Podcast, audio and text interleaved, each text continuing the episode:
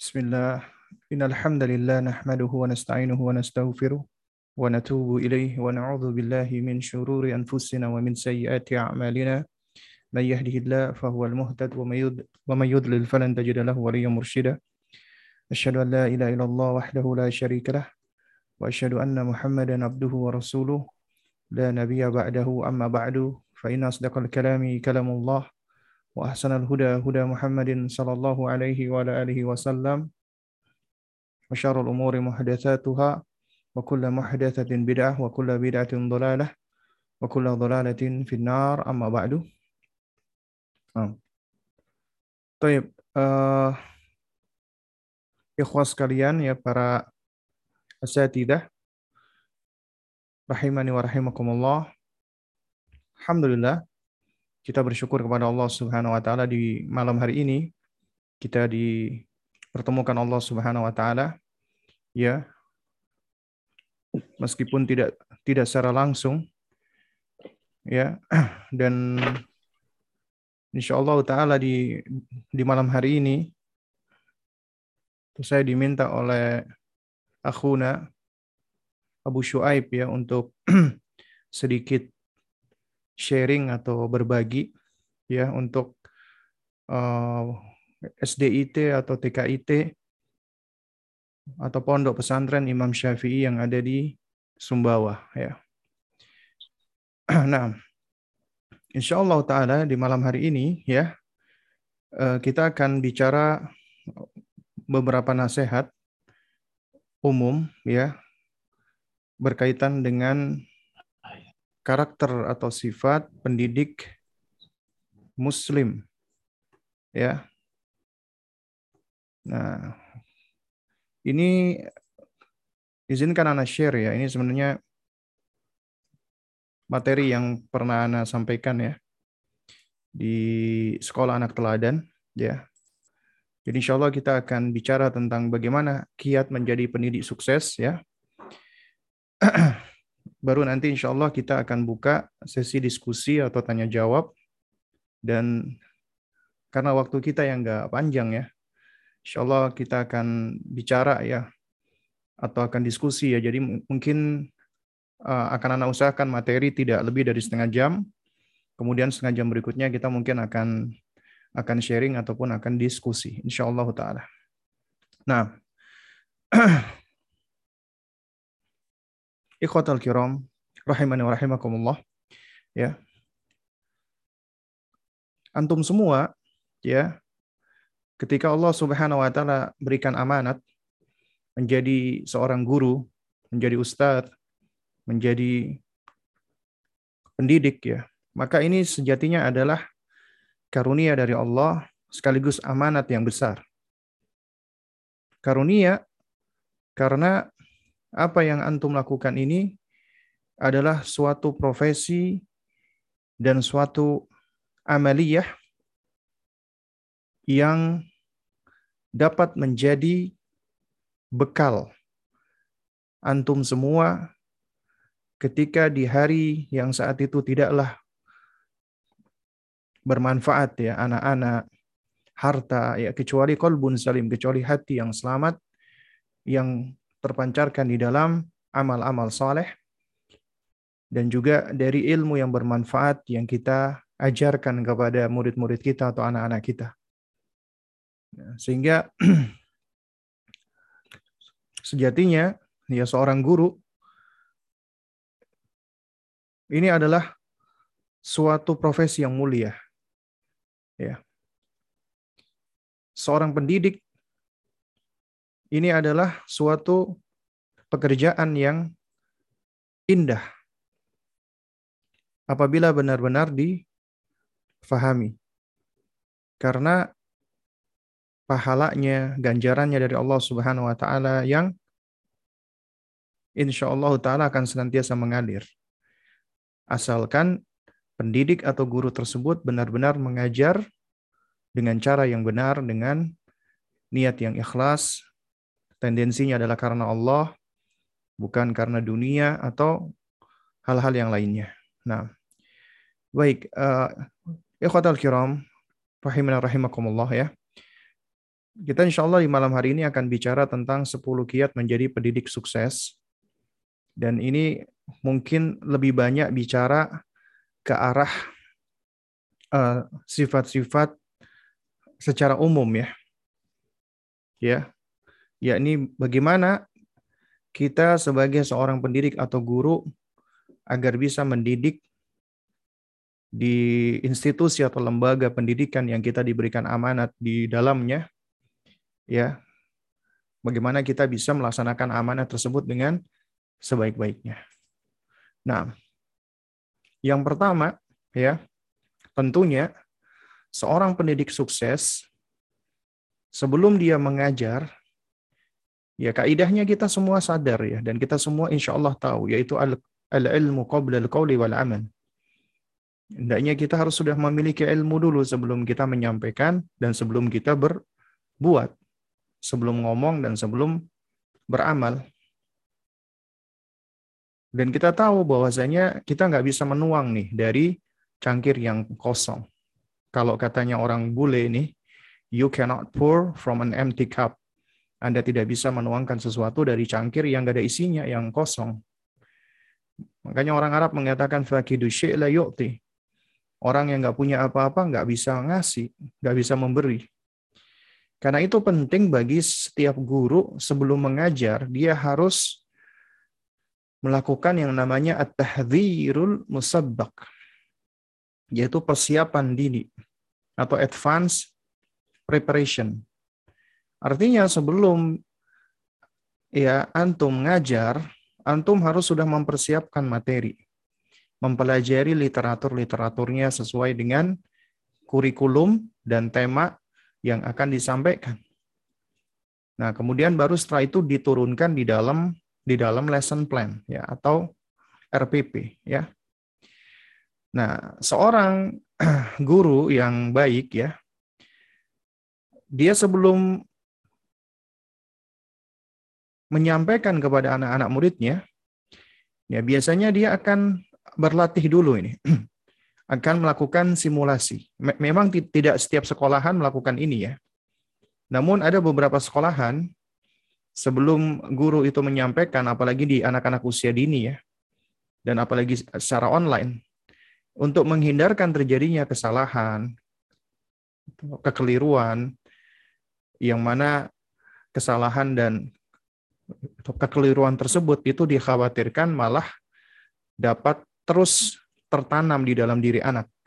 Sehingga melakukan simulasi dan evaluasi itu penting. Nah, kami biasanya di sekolah anak teladan, guru misalnya punya jadwal nih. Jadwalnya dia ya e, memberikan materi di jam 9 sampai jam 10. Nah, biasanya pagi hari jam 7 minimal 15 menit sampai setengah jam dia harus sudah punya lesson plan dan dia sudah melakukan simulasi. Ya. Simulasi itu bisa ya biasanya kita lakukan di hadapan uh, memang ada timnya ya. nah, di antara yang harus hadir adalah kepala sekolah sama tim kurikulum biasanya.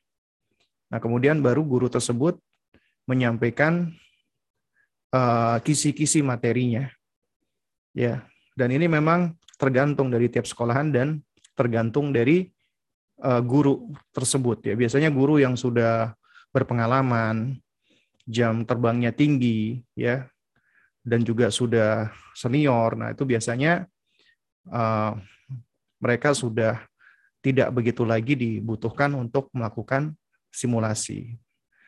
Tapi untuk sebagian besar guru ya, ini suatu hal yang sangat bermanfaat melakukan simulasi dulu, kemudian evaluasi setelah ngajar. Artinya setelah ngajar, setelah menyampaikan ke anak-anak murid, maka dia perlu perlu untuk untuk mengevaluasi apa yang dia sampaikan. Karena dikhawatirkan jangan-jangan ada yang keliru, ada yang salah. Khususnya yang berkaitan dengan pembelajaran akidah atau pembelajaran adab. Nah, kalau berkaitan dengan pembelajaran-pembelajaran ilmu umum ya, entah itu sains atau sosial, maka sebenarnya ini hanya secukupnya saja ya. Biasanya ini ilmu-ilmu yang yang lebih mudah untuk dipelajari dan dikuasai. Ya. Sehingga kebutuhan untuk untuk melakukan simulasi dan evaluasi harian ini adalah suatu hal yang memang tidak begitu dibutuhkan. Tapi untuk pembelajaran terutama untuk anak-anak usia dini ya TK ya itu suatu hal yang yang urgent untuk melakukan simulasi dan evaluasi karena uh, yang disampaikan guru itu bukan hanya sekedar materi ya, tapi di situ harus ada muatan-muatan yang dapat mendidik anak dengan cara-cara yang menyenangkan. Nah, sehingga uh, sebenarnya ya untuk mempersiapkan materi di anak TK itu sebenarnya lebih susah daripada di anak SD atau SMP. Karena di kurikulum SD dan SMP itu sebenarnya sudah lebih apa ya baku sebenarnya dalam tanda kutip ya. Tapi untuk di TK itu biasanya akan lebih fleksibel ya sehingga guru juga dia harus ngerti ini poin-poin apa yang yang harus dia sampaikan. Ya, intinya adalah guru yang sukses dia sebelum melakukan pengajaran dan pembelajaran dia harus sudah melakukan advance preparation yaitu persiapan dini. Ya. Nah, kemudian yang kedua ya ya yang harus dilakukan oleh guru sebelum dia ngajar, guru yang sukses, dia itu sudah melakukan at-tahiyatu adz-dzahniyah, yaitu persiapan mental, ya. Mental preparation. Ini penting, ya. Karena sebelum seseorang ngajar, ya bukan cuman uh, secara kemampuan akademis saja yang dia siapkan, bukan cuman secara kemampuan materi yang udah dia kuasai saja yang harus dia siapkan, tapi juga dia harus bisa menyiapkan mentalnya, terutama hatinya. Ya, karena betapa banyak ini guru yang menguasai materi, tapi ternyata di dalam kelas dia kesulitan untuk mentransfer ilmunya. Kenapa? Karena mentalnya belum siap. Ketika bicara mental itu bukan masalah grogi atau takut, bukan. Yang dimaksud dengan mental di sini ya adalah bagaimana kita menghadirkan diri kita ketika kita akan mengajar. Ya, itu konsep yang paling penting adalah Anda akan berdakwah sebenarnya, menyampaikan ilmu kepada mereka. Ya, Anda sedang menyampaikan hal-hal yang insya Allah bermanfaat bagi mereka, apalagi yang mengajarkan agama, din, akidah, fikih, ter, apa termasuk juga yang mengajarkan adab dan akhlak. Bahkan juga termasuk ilmu-ilmu sosial dan ilmu sains ya yang insya Allah itu juga bisa menjadi hal-hal yang bermanfaat bagi mereka. Nah, karena itu persiapan mental itu penting. Ya. Artinya ketika kita hendak masuk ke kelas, kita harus berusaha untuk menilik hati kita dan kita harus berusaha untuk menghadirkan hati yang Anda lakukan di sini adalah bagian dari ad-da'watu ilallah. Sadar ataupun tidak sadar. Karena Anda ingin menyampaikan ilmu yang insya Allah bermanfaat bagi mereka. Apalagi yang ngajarin agama nih. Ya. Yang ngajarin agama. Yang mengajarkan Islam. Apalagi yang mengajarkan akidah. Berarti sejatinya dia sedang mengajak anak-anak muridnya itu menuju ke jalan Allah Subhanahu wa taala. Dan Allah mengatakan wa ma ahsana qaulan mimman da'a ya ilallahi wa amila salihan wa qala innani minal muslimin. Siapa gerangan yang lebih baik perkataannya daripada orang yang mengajak ke jalan Allah dan beramal soleh dan mengatakan aku termasuk orang-orang yang berserah diri, orang-orang muslim. Dan persiapan mental itu bukan cuman mental pendidik, termasuk anak-anak didik gitu loh. Jadi kita harus juga mempersiapkan mental anak didik mereka sebelum mereka belajar. Dan guru itu ibaratnya cermin.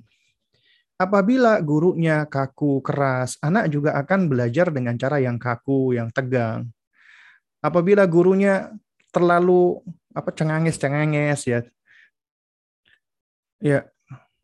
Toib, ini Afwan ya, ini koneksi anak kayaknya kurang bagus ya. Jadi sempat apa namanya terputus nih. Nah, baik kita lanjutkan lagi ya. Uh, Afwan ya sempat apa namanya terputus ya. Mudah-mudahan tadi uh, nggak jauh tadi ya yang kapan maksudnya yang anda sampaikan tadi maksud ya jadi uh, yang perlu dipersiapkan guru bukan cuma persiapan mental kita sebagai guru, juga anak-anak didik. Karena sejatinya guru itu sadar nggak sadar, mereka itu ibaratnya seperti cermin. Ya, apabila gurunya itu kaku, keras, ya, menakutkan, maka anak-anak murid juga sama, dia akan belajar dengan cara yang kaku, yang tegang. Demikian pula apabila gurunya kayak tidak punya marwah, ya tidak punya muruah, tidak punya kewibawaan, cenganges-cengenges ngajarnya, maka murid juga sama akan cenderung cenganges-cengenges ya dan tidak begitu menghormati guru gitu loh. Jadi yang harus dilakukan apa? Ya guru harus memiliki uh, ketegasan tapi ya harus lemah lembut. Karena tegas dan lemah lembut bukanlah suatu hal yang kontradiksi. Ya. Dan tegas dan dan lemah lembut adalah sesuatu yang bisa yang bisa dilakukan bersamaan. Karena betapa banyak ini orang-orang yang keras, keras nih ya, tapi tidak tegas. Ya, orang yang keras tapi tidak tegas itu banyak. Sementara di sisi lain orang yang orang yang lemah lembut tapi dia tegas. Contoh nih misal ya, kita bicara dari sisi orang tua nih. Ada orang tua yang keras. Anaknya suka diomel-omelin, suka dibentak-bentak, sedikit-sedikit diomelin, sedikit-sedikit dimarahin. Ya, jadi selalu dengan suara-suara tinggi. Ya, misal nih, ini anak dia pengen beli snack. Ya, dia pengen beli uh, apa kudapan ya atau snack ya, atau es krim lah. Ya, terus kita tahu ini anak ini kalau sering-sering makan snack dia itu nggak baik ya. Lalu kemudian dia minta, dia nangis-nangis. Ibunya bilang dengan teriak-teriak, dengan marah-marah, udah, kamu hari ini nggak boleh kamu makan snack, kamu nih makan snack aja. Pokoknya ngomongnya dengan cara yang keras-keras, ya apa dengan cara yang bentak-bentak ya. Keras. Ya. Dengan dengan apa? Dengan intonasi yang tinggi, dengan emosi. Nah, akhirnya apa yang terjadi? Itu anak menyerap menyerap apa yang dikeluarkan oleh orang tuanya tadi, oleh umiknya tadi sikap keras akan diiringi akan akan disambut pula dengan sikap keras. Semakin keras uminya, anaknya juga sama, dia akan keras. Enggak, aku pokoknya mau snack sekarang umi. Dia marah-marah, nangis-nangis. Enggak dikasih, dia semakin mengangkat suaranya, nangis-nangis, guling-guling. Ya. Akhirnya uminya enggak tahan nih ngelihat anaknya itu teriak-teriak. Kamu ini anak udah dikasih di di apa di labeli dengan label-label jelek kamu nih anak bandel kamu ya, anak kurang ajar kamu, anak nggak sopan kamu. Pokoknya dikasih label yang jelek-jelek. Tapi akhirnya apa? Dikasih duit nih. Beli sana, beli gitu. Ya. Akhirnya apa? Yang terjadi sikap kerasnya itu nggak tegas. Dia nggak punya konsistensi.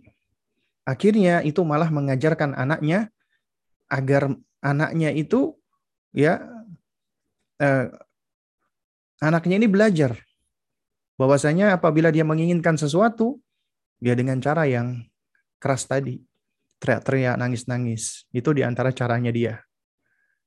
Nah sementara di sisi lain ada seorang ibu anaknya minta es krim. Ya ibunya ngomong dengan lemah lembut. Adik Umi bukannya nggak mau belikan kamu es krim, Dek. Umi insya Allah belikan kamu es krim, tapi tidak sekarang ya, Dek. Tapi Umi aku mau sekarang. Adik tidak sekarang ya.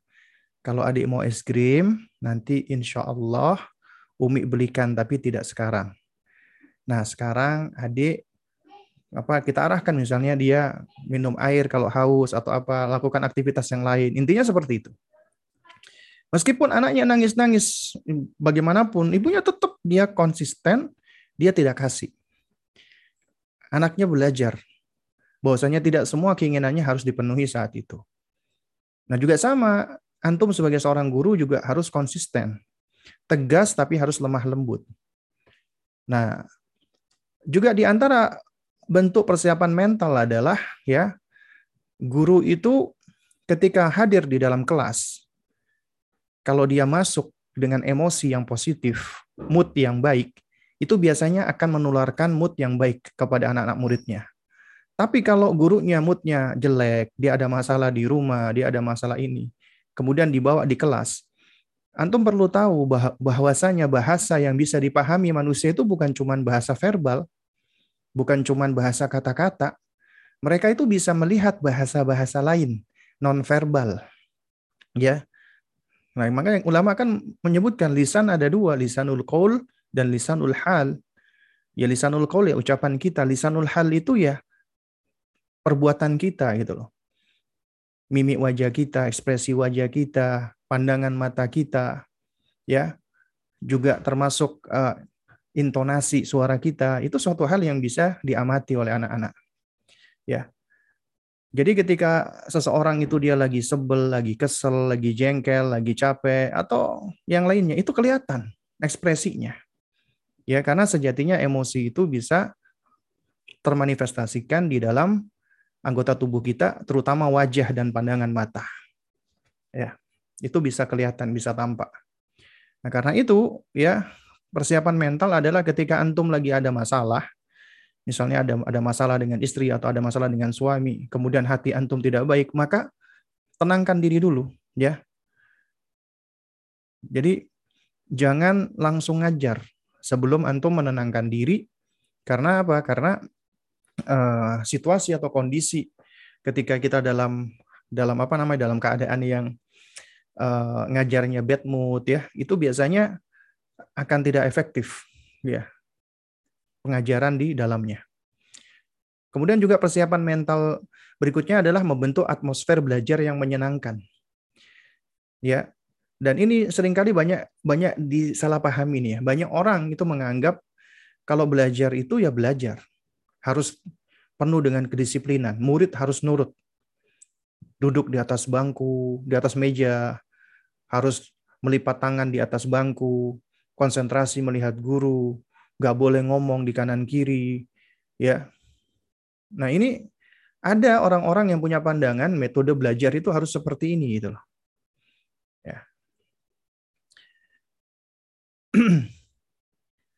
Dan di sisi lain ada juga mereka yang punya pandangan belajar itu ya udah muridnya terserah mau tidur kayak mau ngobrol yang penting aneh ngajar gitu loh ngerti ngerti kagak ngerti ya udah itu urusan murid. Ada juga yang seperti itu.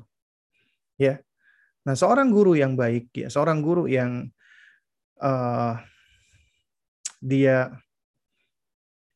memiliki integritas, dia akan berupaya membentuk atmosfer iklim belajar yang menyenangkan. Yang sekarang disebut dengan edutainment istilahnya. Ya. Edutainment Memang belajar itu bukan entertainment, memang bukan. Ya. Tapi kita bisa lihat nih. Kenapa sih kok anak-anak kita ketika ada entertainment misalnya nonton acara, mereka itu bisa menghabiskan waktu berjam-jam. Sementara belajar, baca buku, itu baru setengah jam mereka sudah merasa bosan, jengah. Ya. Nah, sehingga di sini kita harus bisa menganalisa ini. Ya, ada yang keliru berarti dengan metode belajar, metode mengajar kita. Ya, ada yang keliru berarti dengan sistem yang kita terapkan.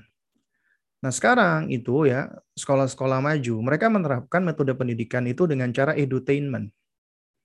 Kenapa demikian? Karena dengan metode edutainment, anak itu ketika belajar, dia tidak merasa bosan ataupun tertekan.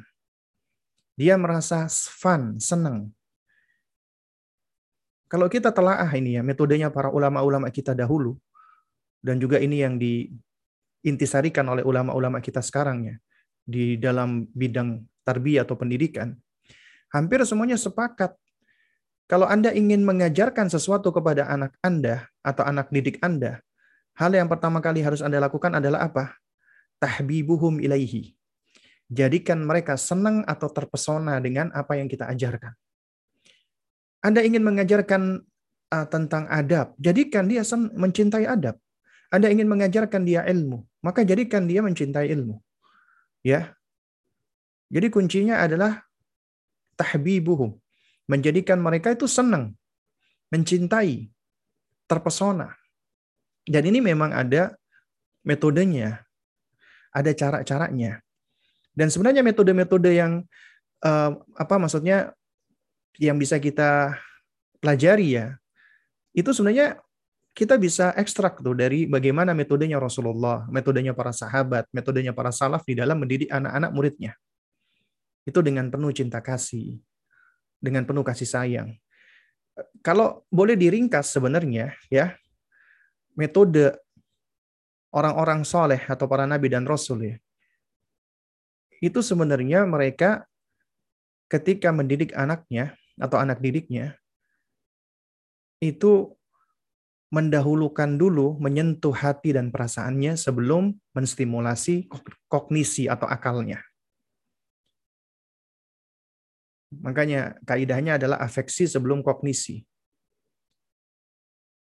Kita sering kali mungkin nggak sadar nih ketika misalnya Lukman alaihissalam saat mendakwai anaknya, ya menasehati anaknya, ya wa itu qala Luqmanu libnihi wa huwa ya'idhuhu dan ingatlah ketika Luqman itu berkata kepada anaknya sementara beliau sedang memberikan nasihat, memberikan mauidhah. Ya, apa yang dilakukan Lukman pertama kali? Lukman itu menyentuh hatinya anak dulu dengan sapaan yang indah. Ya bunayya, wahai nak. Kita sering kali nganggap itu masalah-masalah yang remeh gitu loh. Padahal sapaan, menyapa itu salah satu kunci untuk memprepare anak sebelum kita menyampaikan ilmu. Ini juga yang dilakukan oleh Nabi yang mulia alaihissalam. Nabi juga sering kali ya menyapa anak dengan sapaan-sapaan yang baik. Ima dipanggil namanya, atau ima namanya ditasgir, misalnya ketika manggil Anas ya Unais, atau dia panggil dengan panggilan-panggilan yang menunjukkan cinta kasih, ya. Misalnya contohnya ya, gulam, ya, wahai anak, wahai anak kecil.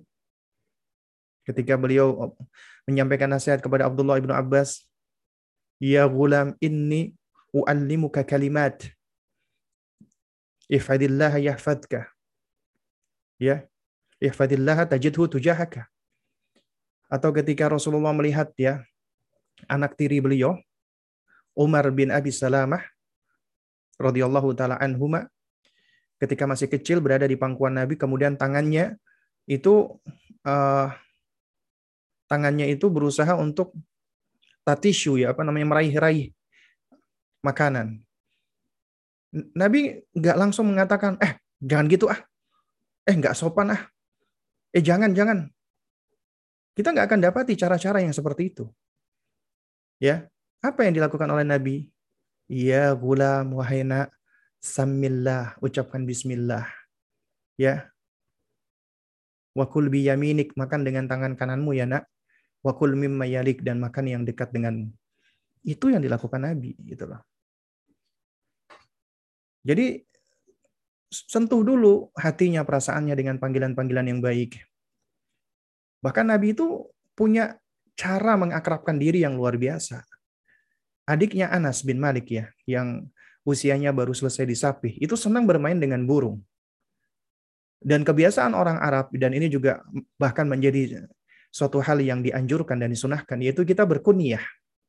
Ya, dengan diawali dengan kata Abu, misalnya Abu Fulan, Abu Alan, Ummu Fulan ya. Nah, ini anak masih kecil nih. Oleh Nabi disapa dengan kunya, ya Aba Umair. Ya, ya Aba Umair, ma fa'alan Nughair.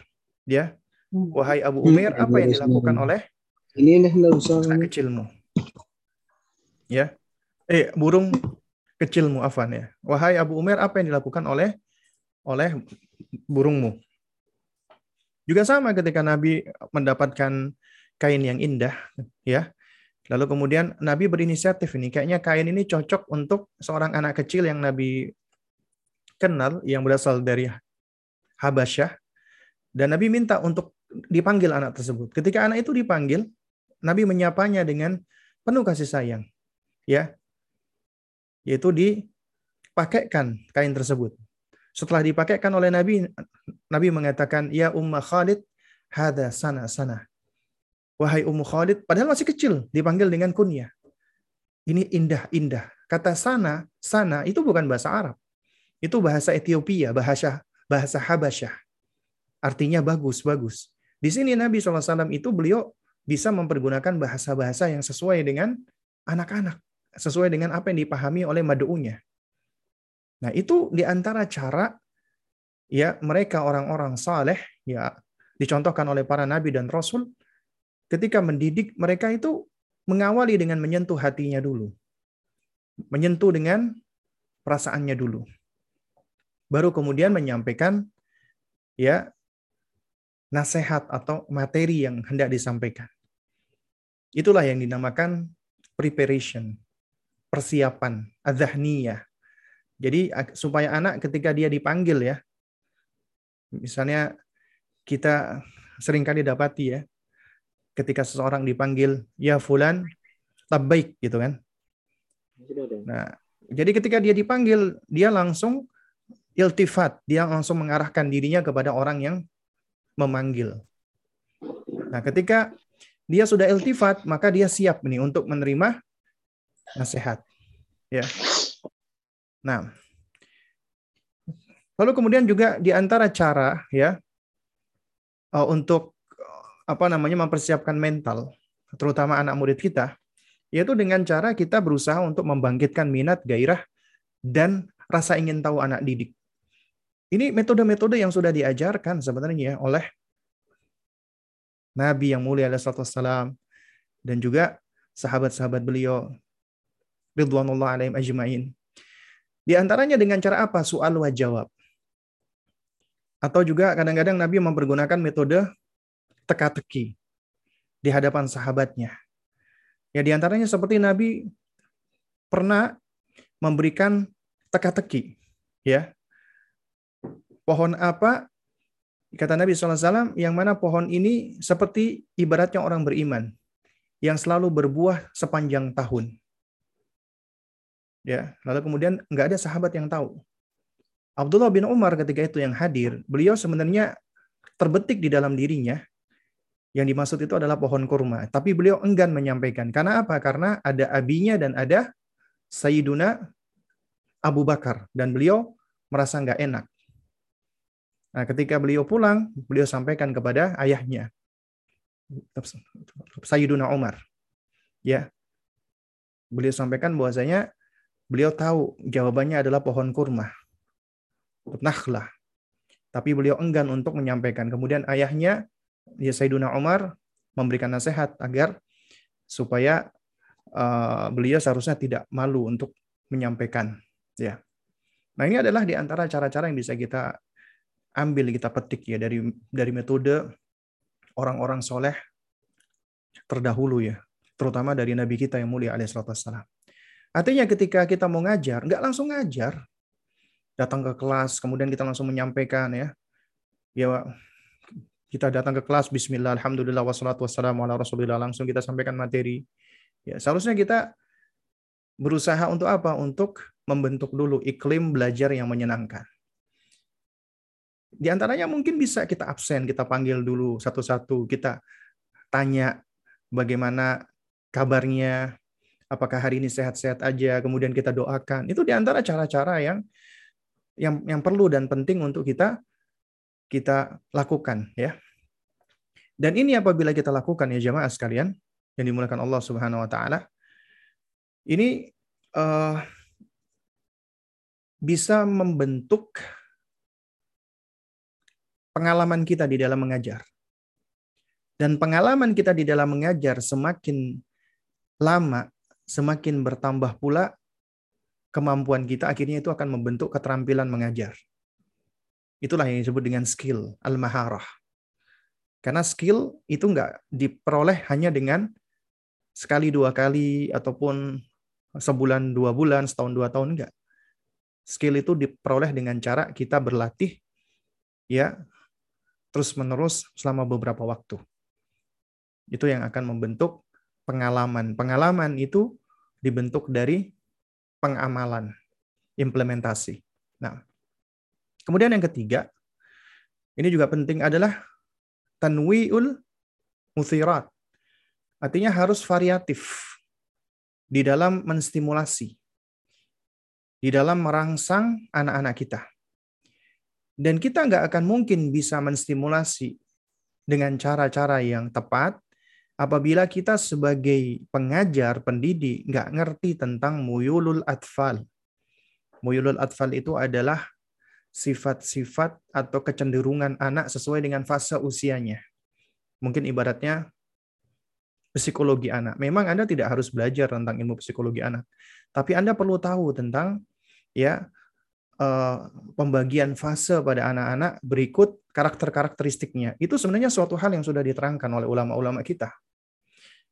Dan tujuan mereka melakukan klasifikasi usia agar kita bisa bersikap hikmah, bisa melakukan pendekatan atau approaching sesuai dengan usianya. Kita lihat ini ya, Al-Hafidh Ibnu Hajar al-Asqalani di dalam Fathul Bari ya, beliau ketika mengklasifikasi usia manusia mulai dari janin sampai usia di atas 80 tahun. Nah, kita perhatikan aja nih. Ketika beliau membagi usia uh, untuk anak-anak nih sebelum balik. Beliau awali dengan ketika setelah lahir itu disebut dengan fase sobi, sibian. Hingga dua tahun. Kenapa dua tahun? Karena itu umumnya anak sudah disapih. ya Sampai dua tahun. Disebut dengan fase sibian atau as-sobi. Nah, oh. fase sobi ini tentunya fase yang unik, yang berbeda dengan fase setelahnya. Ya. Sehingga pendekatan kita di dalam mendidik anak bayi itu unik, khas sesuai dengan usianya. Kemudian setelah itu disebut dengan fase gulam. Ya fase gulam ini sampai 7 tahun, 2 sampai 7 tahun. Nah, ini yang sering kali kita sebut dengan fase tufulah. Kanak-kanak. Ini Syekh Ahmad bin Nasir atau Yar, hafizahullah, itu di dalam bukunya Kaifatorobi Abna'aka beliau menyebutkan beberapa karakteristik anak-anak di usia tufulah ini. Ya, kalau nggak salah ada 14 karakteristik. Di antaranya misalnya, ya uh, haraka wa adamul istiqrar, banyak gerak, susah diem. Ainat ya, suka ngeyel. Kathratul as'ilah, banyak bertanya. Ya. Dan masih banyak lagi karakter-karakternya. Yang itu berangkat dari hasil observasi.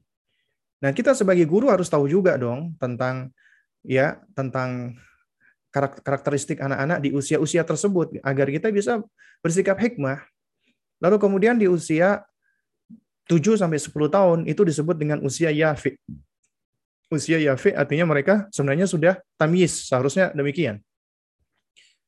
Nah, kemudian setelah itu usia 10 sampai 15 tahun disebut dengan usia hazawar ya. Hazawar.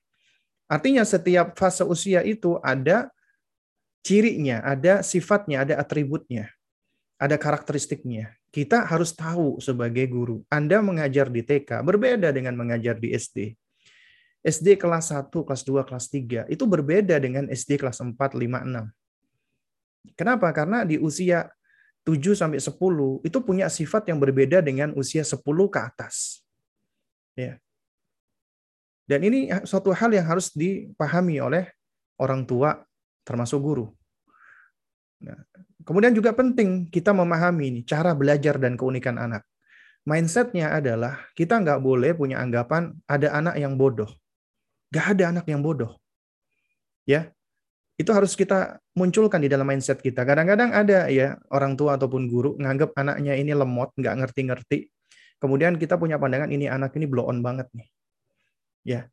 Padahal sebenarnya Allah menciptakan ya manusia itu fi ahsani taqwim. dalam bentuk rupa, komposisi, struktur, itu yang paling baik. Sejatinya tidak ada anak-anak yang Allah ciptakan itu dalam keadaan yang bodoh, nggak ada.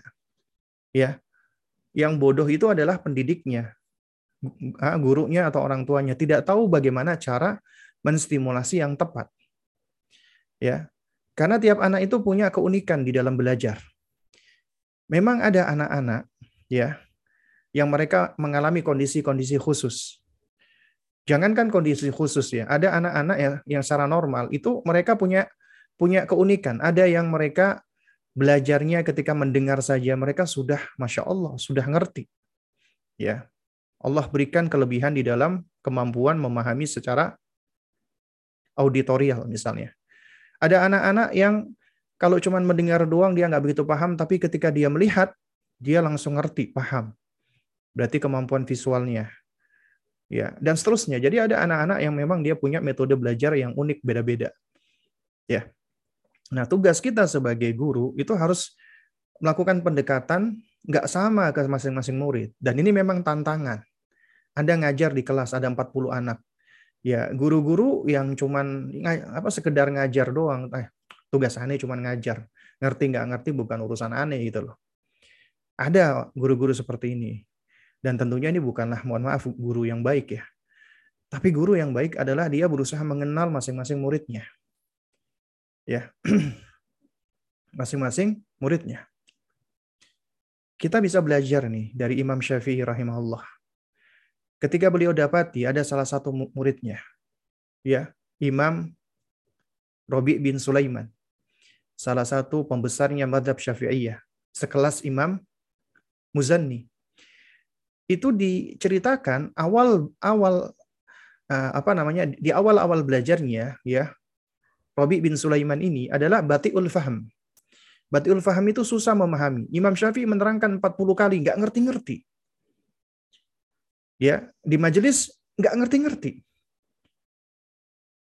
Tapi Imam Syafi'i beliau tetap bersabar, guru yang luar biasa. Setelah majelis, beliau panggil Robi bin Sulaiman. Kemudian beliau sampaikan, Ya Robi, wahai Robi, Seandainya aku bisa menyuapkan ilmu kepadamu, niscaya aku akan suapi kamu dengan ilmu. Kemudian Imam Syafi'i ya itu mengajarkan secara privat. Sampai Robi bin Sulaiman itu menjadi salah satu ulama Syafi'iyah yang masyhur. Dan ini menunjukkan bahwasanya ya anggapan adanya anak yang bodoh itu sebenarnya nggak ada. Ya. Dan juga ini wajib bagi kita tahu tentang pentingnya memahami adanya kebutuhan stimulasi anak. Apalagi di anak-anak usia dini. Karena itu anak usia dini itu pondasi. Karena apabila stimulasinya tidak memadai, tidak adequate ya, di usia biasanya itu biasanya akan bermasalah. Makanya Anda guru SD kalau kalau Anda melihat ada murid Anda di kelas itu nggak bisa diem goyang-goyang kaki, goyang-goyang tangan, nggak konsentrasi. Nah, itu sebenarnya sangat erat kaitannya dengan fase sebelumnya. Berarti ada sesuatu yang belum terstimulasi dengan baik. Atau istilahnya belum terstimulasi dengan tuntas. Nah, guru yang bijak, dia berusaha cari tahu dan kemudian dia berusaha untuk memfasilitasi. Dan mengajak kerjasama orang tuanya agar bisa memfasilitasi uh, di dalam menstimulasi anak tersebut. Nah, Toib ya. Wah ini ternyata udah jam 20, udah lewat setengah jam ya. Toib ini anak akan singkat-singkat aja ya. Kemudian yang berikutnya guru yang bijak, guru yang bijak atau guru yang sukses adalah guru yang mampu untuk istikhdam wasail tarbiyah, bisa menggunakan sarana-sarana pembelajaran. Artinya ketika dia mempergunakan wasilah-wasilah pembelajaran, entah itu online ataupun offline, maka dia harus bisa memilih. Ini sarana pembelajarannya ini harus jelas tujuannya harus memiliki tujuan yang jelas dan relevansinya juga tepat. Kemudian juga harus sesuai dengan usia dan perkembangan anak. Nggak layak mempergunakan sarana untuk anak SMP ke anak SD atau sebaliknya.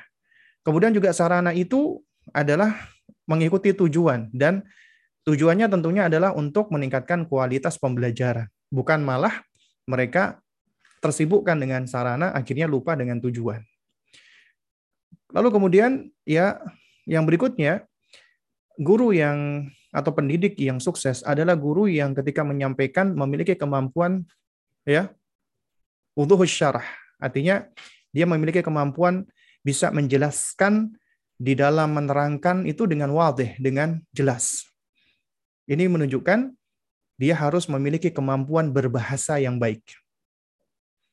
Jadi kemampuan bahasanya ya, ngajar misalnya kita ngajar di Indonesia. Berarti kita harus punya kemampuan berbahasa Indonesia yang baik dan benar. Ya. Dan juga harus memahami tingkatan akal dan pemahaman anak. Karena seseorang hendaknya ketika berbicara melihat madu'unya, objek dakwahnya, atau mutarobinya, anak didiknya. Dan kalau kita belajar dari apa yang disampaikan oleh Ibunda Aisyah radhiyallahu taala anha tentang bagaimana Nabi ya, seorang muallim ya, pendidik atau pengajar yang luar biasa. Nabi itu kalau ngomong tartil. Tartil itu pelan, tapi bukan artinya lirih, berbisik-bisik tidak sampai orang harus harus apa namanya harus mengucapkan hah? Apa? Apa? Ya. Ngomongnya pelan itu maksudnya dengan suara yang yang bisa didengar. Tapi tidak berteriak-teriak dan juga tidak terlalu lirih. Itu tartil pelan. Dan tarsil berurutan sistematis. Dan tikror ada hal-hal yang Nabi melakukan penekanan dengan mengulang-ulangi. Ya. Jadi apabila itu penting Nabi kadang-kadang Nabi ulang-ulangi ya perkataan tersebut. Seperti misalnya Nabi menjelaskan tentang ya salat dua rokaat ba'da subuh bagi orang yang duduk ya salat berjamaah ya dia duduk, kemudian menunggu matahari terbit, kemudian dia sholat dua rakaat, maka pahalanya seperti pahalanya orang yang haji dan umrah taman taman taman kata Nabi. Nabi menyebutkan sebanyak tiga kali. Ya. Nah, nah ini sebenarnya adalah suatu hal yang bisa diperoleh dengan cara kita berlatih dan terus berusaha. Kemudian juga hendaknya guru yang uh, sukses, dia harus belajar untuk memiliki kemampuan maharatu ta'ziz, yaitu skill atau kecakapan, keterampilan untuk bisa memberikan motivasi, mendorong anak, menginspirasi anak. Nah, yang pertama kali harus dia lakukan adalah dia berusaha untuk mendorong anak ya untuk mencintai ilmu dan senang dengan belajar. Itu kuncinya. Kemudian dia mengapresiasi dan memberikan reward atas upaya anak, bukan hasilnya. Atas bagaimana anak itu, ya, sejauh mana anak itu berusaha. Effort atau juhudnya yang diperhatikan, bukan hasil. Hasilnya berapapun, itu nggak begitu penting. Tapi yang penting usahanya. Dan kemudian dia berusaha untuk membentuk tadi ya kembali iklim belajar yang menyenangkan, yang fun, yang enjoy, edutainment, ya. Kemudian pendidik yang sukses adalah pendidik yang memiliki rajihul akal ya. Uh, cara atau gaya berpikir yang terbuka open minded ya. Bukan orang yang menutup diri atau dia merasa bahwasanya dia sudah belajar S2 pendidikan sehingga udah ini cara caraku nih paling baik udah nggak ada lagi yang lebih baik akhirnya dia menutup diri tidak mau open minded ya oleh karena itu guru yang sukses dia selalu mau mau belajar dan mau mengembangkan diri. Dia haus akan ilmu. Dan dia selalu terbuka dengan pengetahuan-pengetahuan baru, teknik-teknik pendidikan. Sekarang itu pendidikan itu ya, itu sudah ada tekniknya. Makanya sudah ada jurusan teknik pendidikan.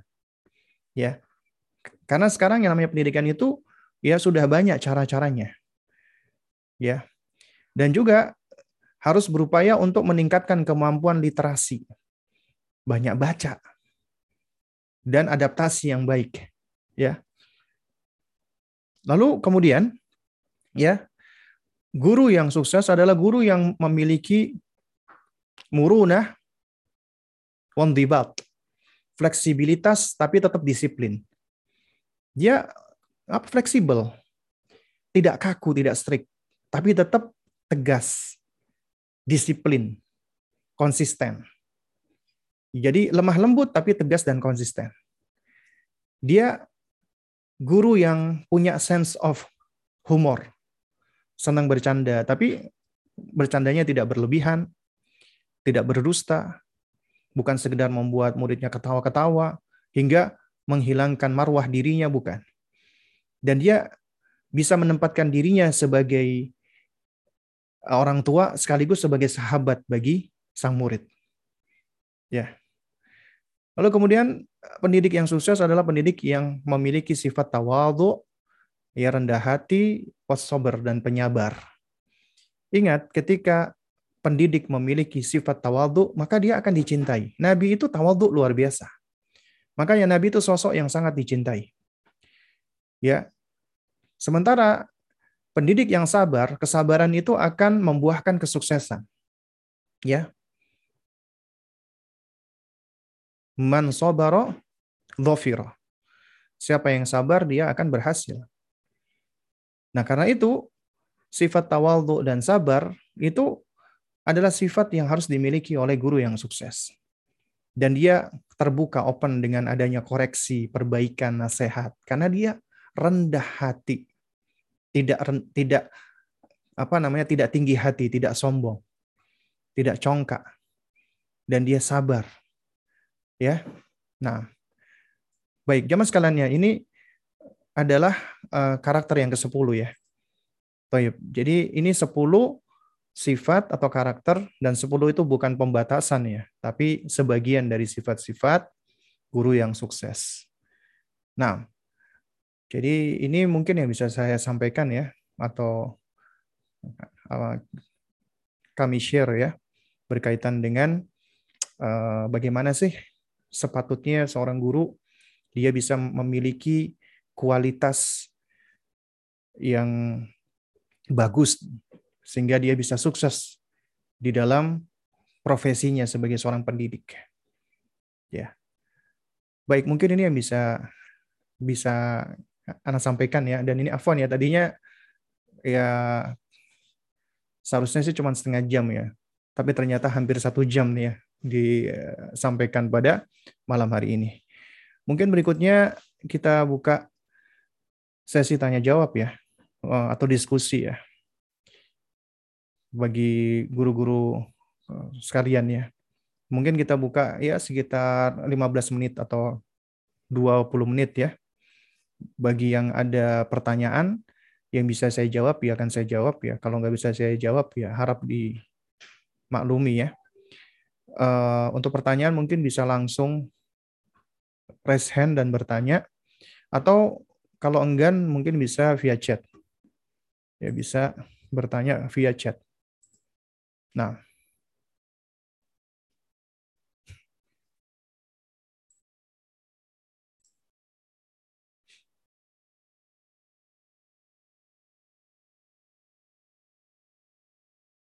Ya. Tafadhol. Nah, ini sudah ada pertanyaan masuk ya. Apakah dibenarkan memukul anak saat ada pelanggaran? Nah, ini apa namanya pertanyaan yang bagus ya. Bagaimana kita menerapkan hukuman pukul kepada anak-anak yang melakukan pelanggaran? Memang kita nggak bisa pungkiri di dalam pendidikan, ya metode kita, metode Islam itu tidak lepas dari yang namanya memberikan ya uh, as-sawab wal iqab. As-sawab wal iqab. Memberikan reward and punishment. Dan ini metode yang berangkat dari Rob kita Allah Subhanahu wa taala. Allah menciptakan surga itu sebagai apa? Sebagai jazaan, balasan, reward. Uiddat lil mutakin yang Allah sediakan bagi orang-orang yang bertakwa. Sementara Allah menciptakan neraka itu sebagai iqab, ukubah, punishment. Ya, til kafirin. Yang Allah siapkan bagi orang-orang kafir, orang-orang yang menentang Allah Azza wa Jalla. Nah, jadi memang reward and punishment adalah metode di dalam agama kita. Kita nggak kita nggak boleh menolaknya. Kemudian juga di antara metode di dalam agama kita adalah at-targhibu wa tarhib. At-targhib artinya kita memberikan motivasi-motivasi, dorongan-dorongan. Sementara tarhib kita memberikan ancaman-ancaman. Karenanya para nabi dan para rasul diutus oleh Allah Subhanahu wa taala itu cuma punya dua misi. Mubasyirina wa mundirin. Memberikan berita gembira dan memberikan peringatan. Dari sini para ulama menerangkan bahwa di dalam pendidikan pun juga harus ada namanya reward and punishment. Tapi ada kaidah-kaidahnya dan ada doabit-doabitnya. Gak sembarangan Ya, makanya para ulama ketika menerangkan tentang bab ad-darb yang memberikan hukuman pukul itu cukup panjang. Di antaranya ya, yang pertama, anak-anak tidaklah dipukul kecuali sudah usia 10 tahun. Dalilnya hadis Nabi SAW. Muru auladakum bisalah wa hum abna'u sab'in wadribuhum 'alaiha wa hum abna'u ashrin. Perintahkanlah anakmu untuk salat di usia 7 tahun dan jika tidak mengerjakan, maka pukullah di usia 10 tahun. Salat itu perkara yang besar di dalam agama kita. Ya. Jika salat saja Nabi memerintahkan orang tua boleh memukul anaknya di usia 10 tahun, maka tentunya perkara-perkara yang berada di bawah salat ya maka seharusnya nggak boleh dong orang tuanya melakukan atau gurunya melakukan hukuman pukul apabila sholat saja itu selama 10 tahun. Kemudian yang kedua, hukuman pukul itu adalah solusi terakhir. Ya. Hal yang terakhir dilakukan apabila semua cara sudah tidak lagi bermanfaat. Kalau kita perhatikan ya, hadis tentang sholat. Itu para ulama mengambil kaidah at-targhibu muqaddam minat tarhib. Memberikan motivasi lebih dikedepankan daripada memberikan ancaman. Demikian pula di dalam bab reward and punishment memberikan apresiasi lebih didahulukan daripada memberikan hukuman. Ya. Nah, kemudian yang ketiga, hukuman itu tidak mesti harus dengan hukuman fisik. Enggak mesti. Jadi ada ada rentetannya. Ya. Itu di antaranya disebutkan oleh Syekh Yusuf Muhammad Al-Hasan di dalam Al-Wajiz fit Tarbiyah. Orang tua menghukum anak itu bisa dengan cara mulai dari pandangan mata.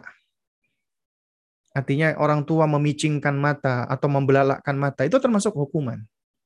Atau memalingkan wajah itu termasuk hukuman. Atau menunjukkan wajah yang sedikit mencibir, itu juga hukuman. Atau uh, membiarkan anak selama beberapa waktu, atau menghajar anak selama beberapa waktu, itu juga hukuman. Atau tidak memberikan sesuatu yang anak senangi. Itu juga hukuman. Misal, uminya setiap sore misalnya goreng pisang nih. Anaknya melakukan apa namanya pelanggaran misalnya dia melakukan pelanggaran. Ya.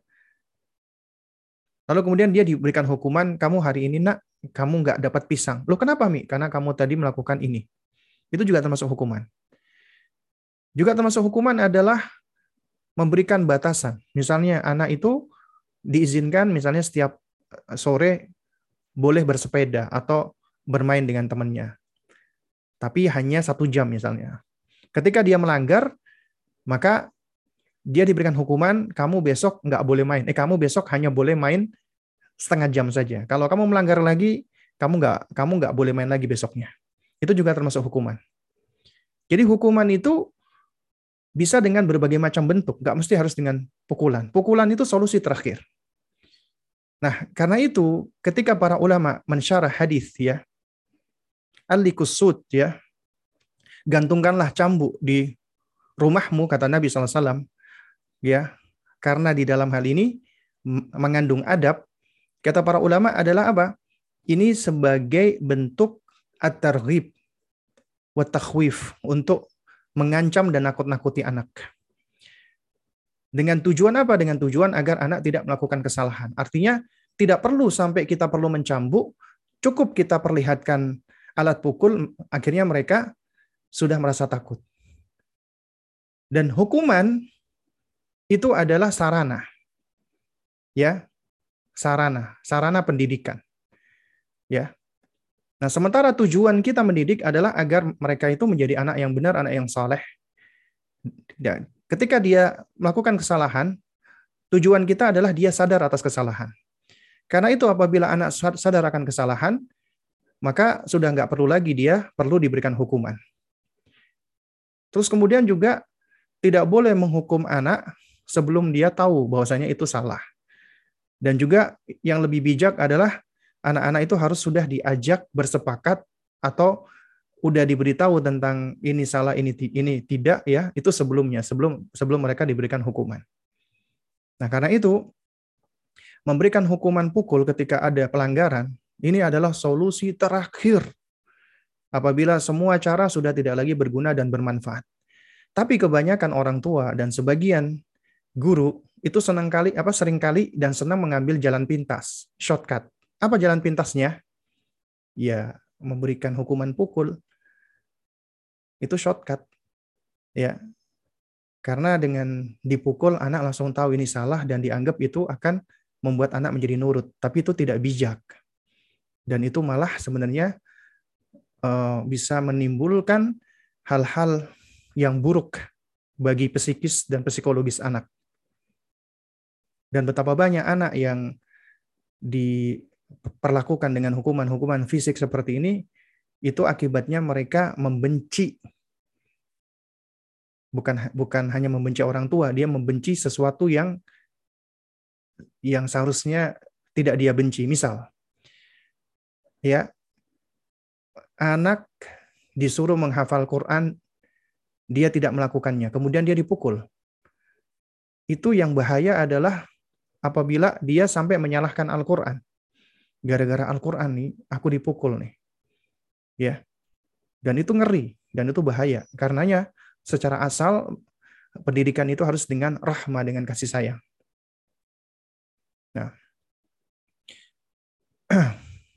Kemudian eh, pertanyaan berikutnya, seorang ustazah yang mengajarkan siswa laki-laki, apakah termasuk dalam larangan haramnya ikhtilat dan khalwat ketika muridnya uh, sudah balik atau menjelang balik.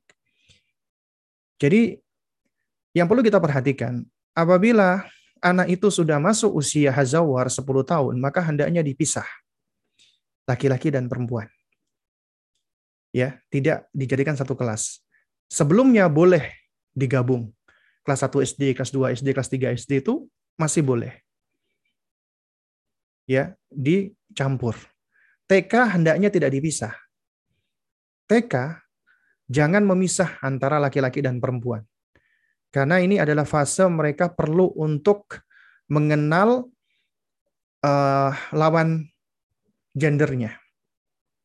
Ya, di usia TK dan mereka belum berdosa, nggak ada hukum syar'i pada anak-anak usia tufulah. Ya. Jadi terangkat pena dari mereka. Adapun udah usia 10 tahun, maka hendaknya sudah dipisah. Karena ternyata di usia 10 tahun itu ada yang sudah balik juga ya. Lalu bagaimana misalnya seorang ustadz mengajar ke tolibat, ya yang saya pahami itu adalah boleh. Ustadz mengajar di hadapan tolibat meskipun tolibatnya sudah baligoh, sudah dewasa, SMP, SMA misalnya. Ya asalkan tetap uh, apa namanya tetap menjaga batasan-batasan dan dan menjauhkan dari dari fitnah dan itu tidak termasuk ikhtilat. Ya. Dan demikian dengan wanita, guru wanita ya, hendaknya dia mengajar hanya pada kelas wanita apabila itu murid-muridnya sudah balik.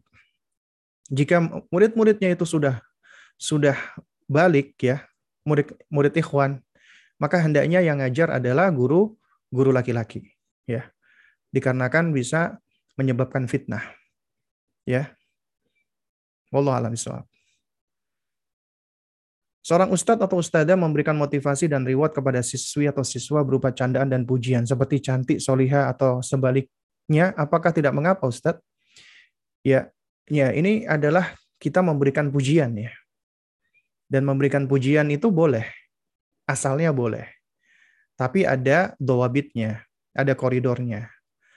Pertama, pujian hendaknya ya harus ada porsinya, harus ada kadarnya, harus ada dosisnya. Dosis berarti ya tidak berlebihan dan juga tidak pelit gitu loh. Karena pujian itu penting, bisa memotivasi, bisa mendorong dan bisa menginspirasi. Kemudian yang kedua, hendaknya pujian itu dengan pujian yang benar. Pujian yang hak. Apa maksudnya? Pujian yang benar, pujian yang hak adalah pujian yang tidak mengandung kedustaan atau tidak terlalu lebay. Contoh misalnya, orang tua atau guru mengatakan, "Oh, kamu memang murid muridnya apa kamu memang murid bapak yang paling pinter sedunia." Itu berlebihan. Ya. Kamu murid ustazah yang paling cantik sedunia, ya. Nah, itu adalah suatu pujian-pujian yang berlebihan. Dan tidak sepatutnya kita memuji anak-anak kita secara berlebihan. Karena sering kali pujian-pujian seperti itu, itu malah sebenarnya kita menyembelih mereka sebenarnya. Ya, dengan pujian-pujian apalagi yang terlalu berlebihan. Karena apa? Karena ketika kita memuji mereka berlebihan, selain itu bisa menyebabkan anak besar kepala, anak tinggi hati, ya kemudian mereka akan uh, seakan-akan apa ya namanya ya uh, terikat atau berusaha mencari pujian atau kalau orang-orang bilang makan puji gitu loh. Jadi dia melakukan sesuatu itu pengen dipuji gitu loh. Ya. Atau bisa jadi dia akan menjadi orang yang dikatakan people pleaser, selalu mencari kesenangan orang, supaya orang itu muji dia, senang sama dia. Maka hidupnya nggak akan pernah tenang dan damai. Kenapa? Karena nggak mungkin seseorang itu bisa mencari people pleaser. Orang itu ridho senang sama dia. Makanya ketika dia dapat cibiran, dapat ucapan jelek, maka dia akan mudah untuk frustasi dan depresi. Dia tidak memiliki ketangguhan dan kekuatan. Kenapa? Karena terlalu sering dan terlalu banyak dipuji.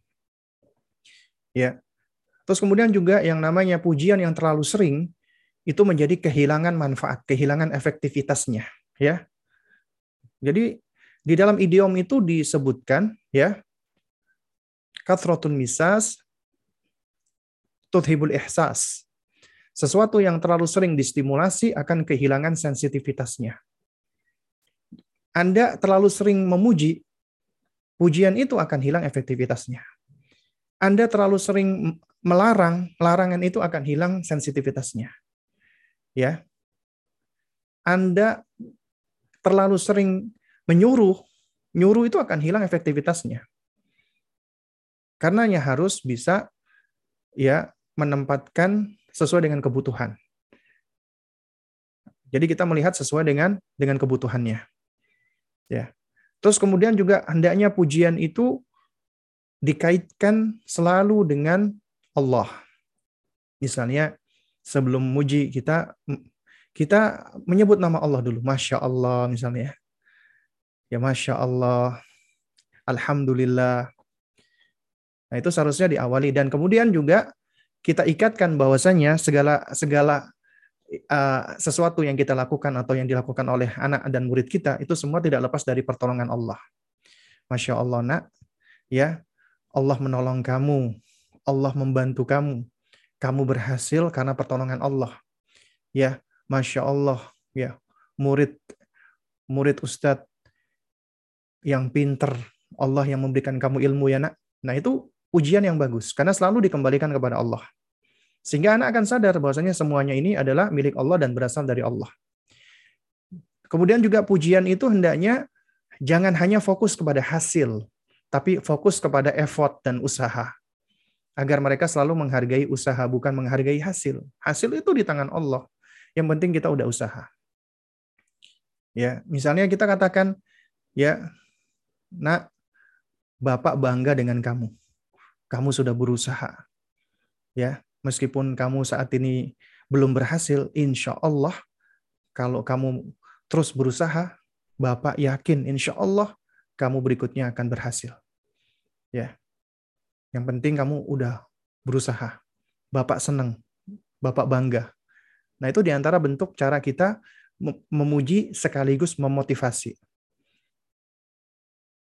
Dan boleh kita katakan anak yang soleh dan solihah. Tapi hendaknya kita mengurangi memuji secara fisik. Ya, kita kurangi pujian-pujian yang sifatnya fisik. Wah, murid yang ganteng, murid yang cantik ya. Karena apa? Karena kita sering kali uh, ketika memuji dengan fisik, kita tahu ya fisik itu adalah pemberian Allah. Semuanya itu Allah sudah ciptakan dengan kecantikan dan ketampanan masing-masing. Dikhawatirkan kita hanya menyampaikan ini hanya kepada sebagian murid tapi tidak ke murid yang lain. Maka itu tentunya menjadi tidak tidak baik. Ya. Apakah mengajak anak-anak banyak bercanda, bermain dalam belajar tidak mengurangi adab dan esensi belajar? Ini juga sama sebenarnya. Kita perlu untuk bercanda. Ya, punya sense of humor. Tapi hendaknya tidak berlebihan. Dan juga jangan sampai ketika bercanda itu menghilangkan marwah atau muruah kita sebagai guru. Ya. Di antaranya jangan sampai ketika bercanda itu sampai begitu ngakak nggak karu-karuan. Ya. Anda bisa melihat ya, ketika Anda ingin mengambil hati murid-murid Anda, kemudian Anda banyak bercanda. Nah, kalau mereka itu menjadi bersikap agak kurang ajar dengan Anda, kelihatan kurang menghormati, berarti jangan salahkan muridnya, berarti kita yang kurang menjaga marwah, kita kurang menjaga muruah. Sementara di sisi lain, kalau misalnya kita ngajar, kita jarang bercanda, murid itu merasa enggak nyaman dengan kita. Ketika ketemu ya di jalan atau di luar kelas, mereka cenderung menghindar misalnya. Atau mereka kaku dan dingin. Nah, berarti itu juga ya lantaran kita di kelas itu nggak fun, nggak menyenangkan gitu loh. Jadi tetap harus ada dosisnya. Mohon berikan kami nasihat e, menangani siswa-siswi yang sudah tampak saling suka dan mengagumi satu sama lain. Sanksi seperti apakah yang bisa kami berikan? Yang pertama, jangan langsung kita bicara sanksi. Tapi kita bicara dulu tentang masalah saling suka. Yang perlu kita pahami bersama, anak-anak yang sudah balik ya, maka mereka akan cenderung memiliki ketertarikan dengan lawan jenis ketertarikan ketertarikan dengan lawan jenis itu tidak berdosa, nggak dosa. Nggak ada yang mengatakan tertarik dengan lawan jenis itu dosa, nggak ada. Tapi apabila ketertarikan kepada lawan jenis ini itu terwujudkan atau termanifestasikan di dalam perbuatan atau perkataan, maka itu bisa melahirkan dosa. Tugas kita adalah ya mengarahkan ketertarikan tersebut agar sesuai dalam koridor syariat. Artinya jangan sampai ini ada guru atau orang tua ketika anak tertarik dengan lawan jenis itu langsung disalahkan. Nggak boleh. Ngapain kamu senang sama dia? Duh, masalah senang ketertarikan ketertarikan kepada lawan jenis itu suatu hal yang nggak yang nggak bisa di di apa ya diatur gitu loh ya itu di luar dari dari kemampuan kita senang itu yang muncul dengan sendirinya gitu loh jadi secara alami Allah menciptakan kita. Allah sudah memberikan kepada kita itu emosi dan perasaan, wijdan dua masyair. Ini keluarnya ya ketika kita terstimulasi dengan sesuatu. Apabila misalnya kita melihat sesuatu, kita melihat orang yang ganteng atau yang cantik, kemudian kita merasa tertarik, itu manusiawi. Gak berdosa. Ya. Nah, yang perlu kita lakukan adalah apa? Kita berusaha untuk mendampingi anak-anak didik kita dan mengajarkan mereka bagaimana memanage rasa tadi. Itu yang penting. Menyenangi seseorang, tertarik dengan seseorang boleh-boleh saja, ya.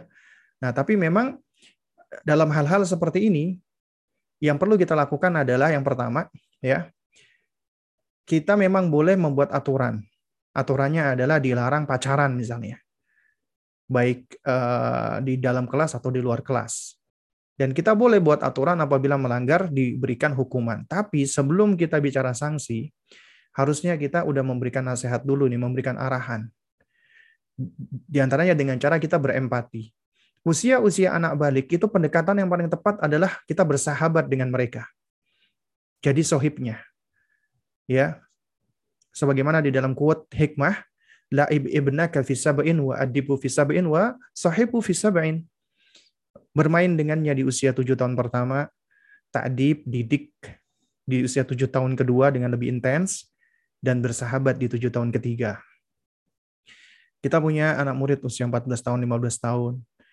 Ya, kemudian kita lihat dia punya gelagat naksir sama seseorang si fulanah misalnya. Pendekatan kita adalah apa? Persuasif, itu yang lebih tepat. Ya. Jadi ada sifatnya sanksi secara umum ya, yaitu aturan dari lembaga atau sekolah. Tapi sebelum sanksi itu diberlakukan, maka hendaknya kita sebagai pendidik yang tahu kita melakukan persuasif.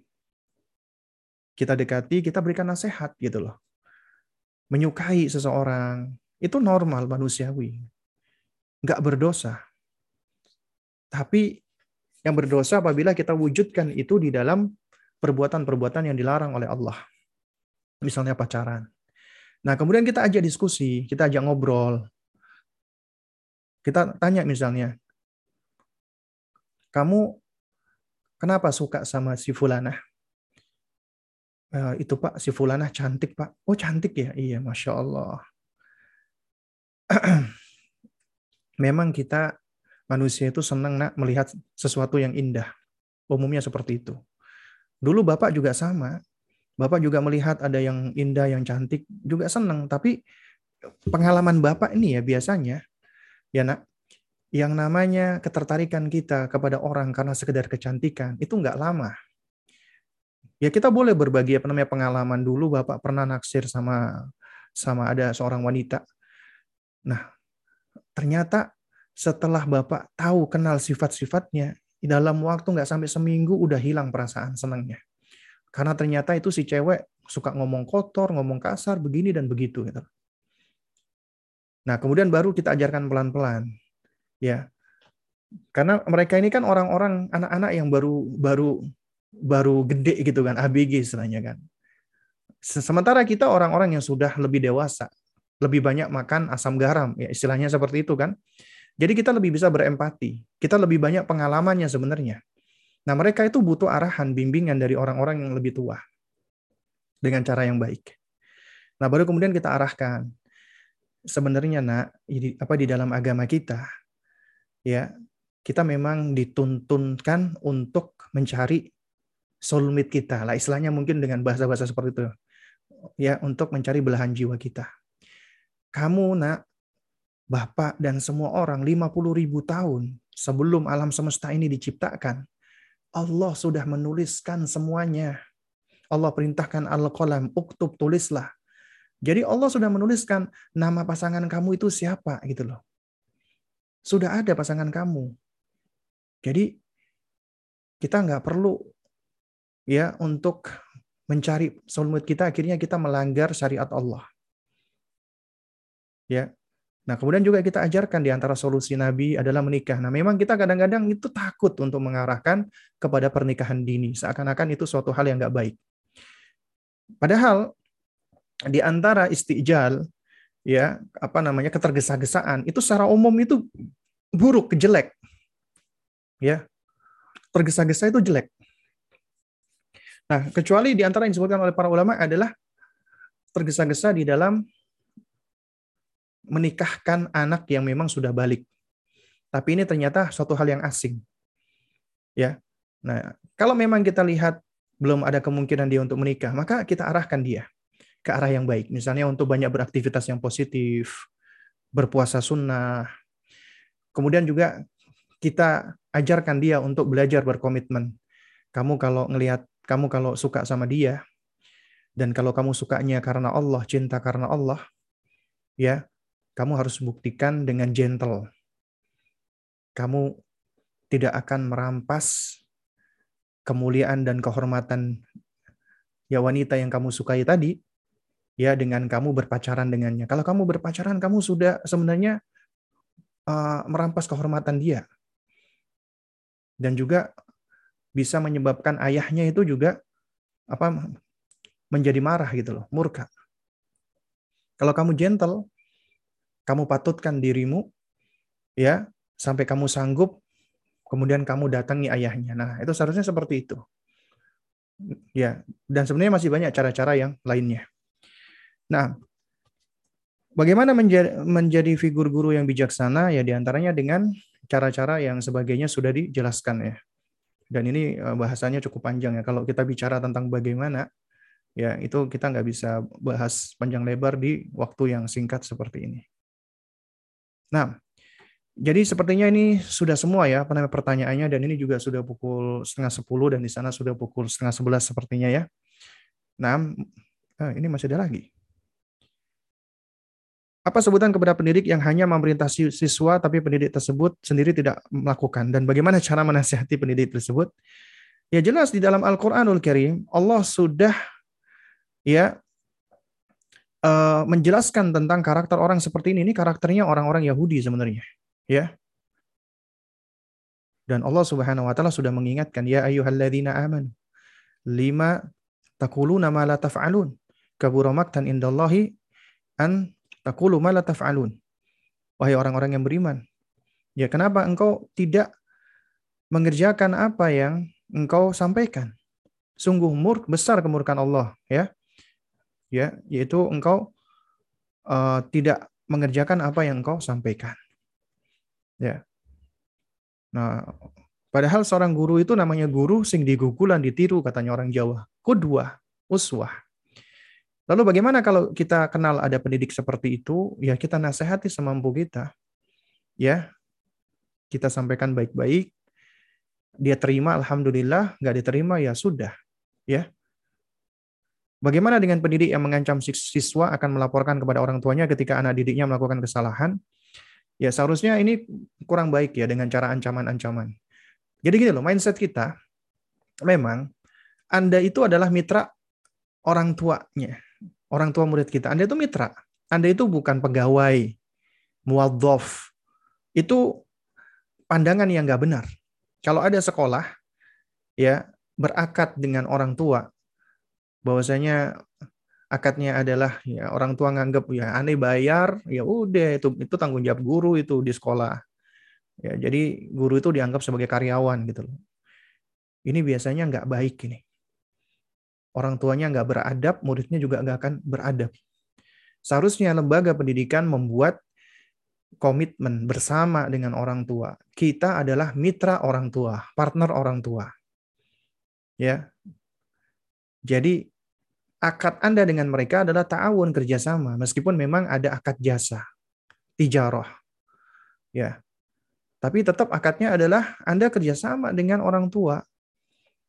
Artinya di dalam pendidikan nggak bisa diserahkan sepenuhnya kepada guru, harus dengan orang tua. Makanya program-program parenting ya melibatkan orang tua itu harus ada di dalam institusi pendidikan agar bisa sejalan, bisa sevisi dan semisi, ya. Dan kalau seandainya ada guru ngancem ke anak muridnya akan dilaporkan ke orang tua, ya berarti ini ada sesuatu yang apa ya? Ada sesuatu yang mengganjal sebenarnya. Ya, seakan-akan melaporkan ke orang tua akan menjadi solusi. Padahal bisa jadi orang tua ketika dilaporkan hal tersebut ya bisa jadi mereka juga akan akan apa namanya mengembalikan ke sekolah ataupun ke guru. Ya. Yang lebih tepat adalah ya kita nasihati dia. Dan ketika kita lihat ini anak ada masalah dan kita lihat ini juga harus melibatkan orang tua, ya kita sampaikan ke orang tua. Gak perlu kita jadikan sebagai bahan ancaman. Karena orang tua adalah mitra yang berhak untuk mengetahui tentang perkembangan anak didiknya. Jadi tidak sepatutnya itu dijadikan ancaman-ancaman. Ya, seakan-akan bahwasanya ya kalau kamu salah kamu nanti bapak sampaikan ke ibumu nanti. Biar kamu nanti di rumah dimarahin ibumu. Itu malah malah nggak baik seperti itu itu. Ya. Nah, apa boleh menasihati siswa taman kanak-kanak dengan konsep renungan-renungan? Misalnya, tidak boleh malas-malas belajar ya nak, karena kasihan Umi, abinya capek nyari uang buat kalian sekolah. Nah, pertanyaannya adalah kira-kira anak TK itu udah ngerti nggak sih? Udah bisa paham nggak sih? Renungan-renungan seperti itu. Ya, Ya Allah alam ya. Kalau dari sejauh eh, pengetahuan saya, ini anak-anak usia TK ini usia anak-anak di mana mereka belum memiliki ya kemampuan daya nalar dan pemahaman yang yang baik, yang sempurna. Ya. Orang sholat aja, sholat aja, mereka tuh masih belum diperintah. Nah ini udah diajak untuk merenung. Ya, setahu saya masih belum bisa anak-anak seperti ini diajak merenung. Yang bisa adalah kita melakukan pendekatan sesuai dengan usianya. Kalau anak udah SMP, SMA, Anda ajak merenung bisa gitu loh. Ya, cuman kalau masih TK diajak dengan konsep merenung, ya itu kayaknya kurang efektif kecuali Anda bisa menghadirkan dengan cara yang menyenangkan, yang fun, misalnya dengan cara bermain ya untuk menghargai orang tua misalnya. Ya, kan di TK itu kan ada yang namanya role play misalnya. Atau Anda melakukan pendekatan dengan cara berkisah. Menceritakan tentang orang tua misalnya agar mereka itu sayang sama orang tua ya. Uh, berbakti dengan orang tua misalnya. Nah, dengan cara-cara seperti ini ya itu mungkin masih masih mungkin dan makul Tapi ini mungkin terakhir ya. Bagaimana menasehati anak yang suka membuli temannya dan berkata kotor? Ya. Yang pertama yang perlu kita perhatikan, kita berusaha untuk mencari tahu dulu ini. Kenapa ini anak suka membuli temannya dan kenapa ini anak suka berkata kotor? Kita melihat ini anak secara fakta, secara realita. Ya atau mungkin kita dapat berita tapi beritanya itu berita yang bisa dipercaya si fulan anak murid kita itu ternyata suka ngebully temennya. Ya. Alih-alih kita fokus langsung untuk memberikan nasihat dan memberikan hukuman, yang lebih efektif adalah kita berupaya untuk mencari tahu dulu akar masalahnya apa gitu loh.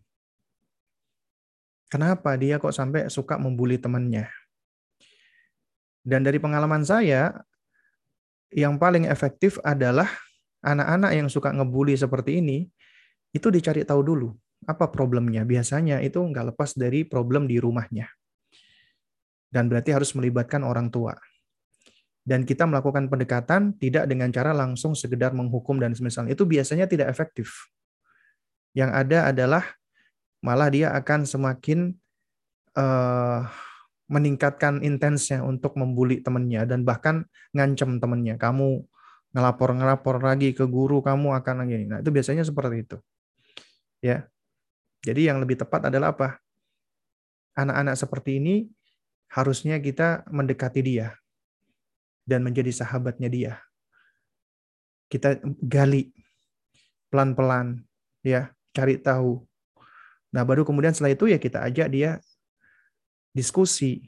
Ya, kalau ini anak misalnya sudah sudah apa udah di atas 10 tahun misalnya atau udah SMP, kita ajak ngobrol, kita ajak diskusi.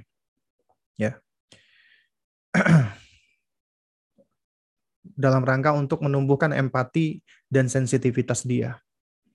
Dan tetap harus kita berupaya melibatkan orang tua. Bukan artinya kita lapor-lapor orang tua, tidak. Tapi kita membicarakan problem masalah, mencari solusi. Kita boleh panggil orang tuanya. Nah, sekarang itu sering kali image-nya manggil orang tua itu berarti anak udah bermasalah nih. Orang tua udah langsung biasanya orang tua datang itu bawaannya itu entah menyangkal atau membela atau menyalahkan anak. Ya. Itu biasanya tipikal orang tua. Ada orang tua yang dia menyangkal namanya denial. Enggak kok anak saya di rumah baik-baik aja kok. Wah, kayaknya ini ada yang ada ada masalah apa ini ya kok kok. Ya, ada yang seperti itu. Dan ada juga orang tua memang anak saya ini memang kurang ajar, Bu. Memang harus dihajar dia. Ada yang seperti itu. Nah, jadi kita harus aja orang tua sama-sama punya mindset yang sama, paradigma yang sama. Kita sama-sama mendidik, Bu. Mendidik si fulan.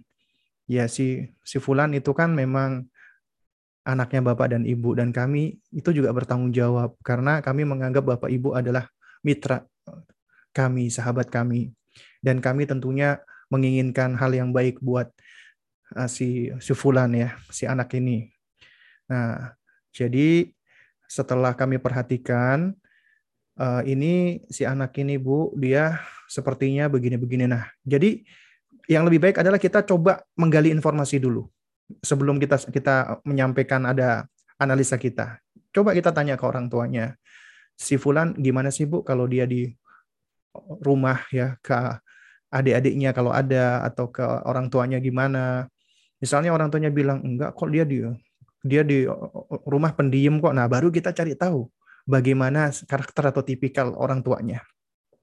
Makanya penting namanya program-program yang melibatkan orang tua, ya adanya parenting-parenting, ya itu harus karena yang namanya pendidikan itu adalah kerjasama, bukan nitipin anak gitu loh.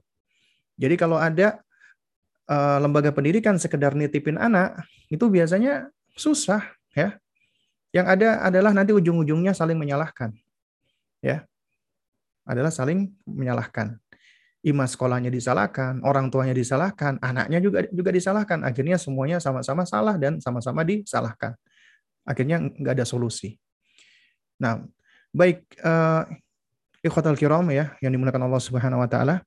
Mungkin ini ya yang bisa disampaikan uh, untuk saat ini di kesempatan kita pada malam hari ini.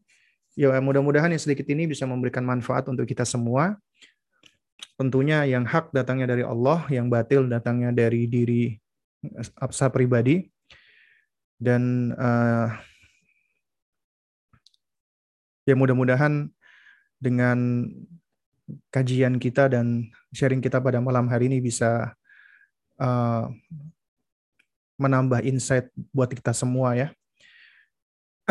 dan kita diberikan bimbingan dan taufik oleh Allah Subhanahu wa taala untuk bisa menjadi pendidik dan pengajar yang lebih baik lagi insya Allah taala. Mungkin ini dulu yang bisa saya sampaikan. Kita tutup dengan kafaratul majlis. Subhanakallahumma wa bihamdik asyhadu an la ilaha illa anta astaghfiruka wa atubu ilaik. Wassalamualaikum warahmatullahi wabarakatuh.